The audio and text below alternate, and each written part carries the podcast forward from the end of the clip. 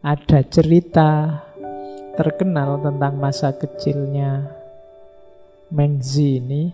Jadi beliau ini ditinggal ayahnya usia tiga tahun. Yang mengasuh ibunya. Tapi ibunya ini pinter. Ibunya ini termasuk cendekiawan jadi ingin memberi anaknya pendidikan terbaik. Kemudian melakukan sampai pindah-pindah rumah tiga kali karena ingin memberi lingkungan yang baik pada anaknya. Pertama rumahnya beliau di dekat kuburan. Mengzi ini anak yang cerdas. Jadi ketika rumahnya dekat kuburan ya perilakunya mirip karena sering lihat orang takziah, orang nangis-nangis, orang meratap-ratap di kuburan itu berpengaruh dalam dirinya. Dia pinter menirukan itu. Jadi pinter menirukan orang meratap. Kalau ibunya khawatir, wah ini kalau dibiar-biarin anakku nanti jadi ahli meratap, ahli nangis, ahli. Nah lihat lingkungannya. Akhirnya pindah. Rumah kedua dekat pasar. Di pasar yang dilihat orang jual beli. Orang nyari keuntungan Sekali-sekali juga gegeran sambil tipu menipu, dikit-dikit bohong.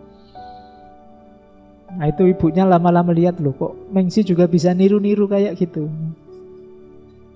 Malah pinter ngomong, pinter jualan, pinter. Ibunya juga khawatir, ini kalau dibiar-biarin mengkhawatirkan ini. Terus akhirnya pindahlah ke dekat sekolahan. Ya sambil sekolah juga di situ. Ini kemudian diasumsikan di sini mungkin lingkungan yang paling tepat. Nah, ini pelajaran tentang carilah lingkungan yang baik. Di mana kamu tinggal dengan lingkungan seperti apa, biasanya seperti itulah dirimu tercetak. Dulu di pondok, sekarang di kos-kosan, coba perhatikan betapa berubahnya cara berpikirmu sekarang. Dulu di atau sebaliknya, dulu di rumah saja sekarang di pesantren mungkin cara berpikirnya juga berubah. Lingkungan menentukan. Dulu pegangannya buku, sekarang pegangannya HP. Nah, lingkungan juga menentukan. Perilakumu pasti juga berubah, entah kamu sadar entah enggak. Oke, nah itu pelajaran. Ada pelajaran kedua, tentang masa kecilnya Mengzi. Satu ketika Mengzi ini bolos sekolah. Terus begitu pagi-pagi kok pulang, ditanya oleh ibunya kok pulang le, kalau Jawa ya.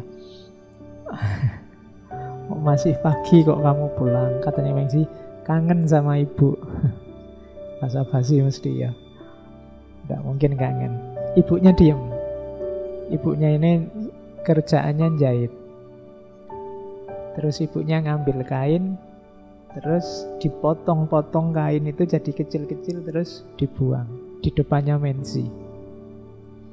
Jadi ini memberi pelajaran bahwa jangan sampai kamu jadi orang tidak berguna seperti kain itu. Kain itu jadi tidak berguna karena dipotong dengan potongan yang keliru. Jadi itu nasihatnya ibunya Mengzi. Kalian jangan sampai jadi kain yang tidak ada gunanya. Kain perca itu kan tidak ada gunanya buat apa. Jadilah kain yang ada gunanya. Itu menasihati anaknya. Jangan sampai nanti kamu jadi orang yang sia-sia. Wong ada kesempatan sekolah kok. Ada kesempatan kuliah yo yang serius. Eman-eman waktumu, eman-eman kesempatanmu untuk jadi orang berkualitas tidak jadi karena kamu tidak serius. Nah itu nasihat ibunya Mengsi. Dan memang akhirnya jadi tokoh besar. Lingkungannya mendukung, ibunya mendukung, anaknya juga cerdas. Lahirlah nanti gagasan-gagasan besar yang sangat berpengaruh dalam kebudayaan Tiongkok dari seorang Mengzi.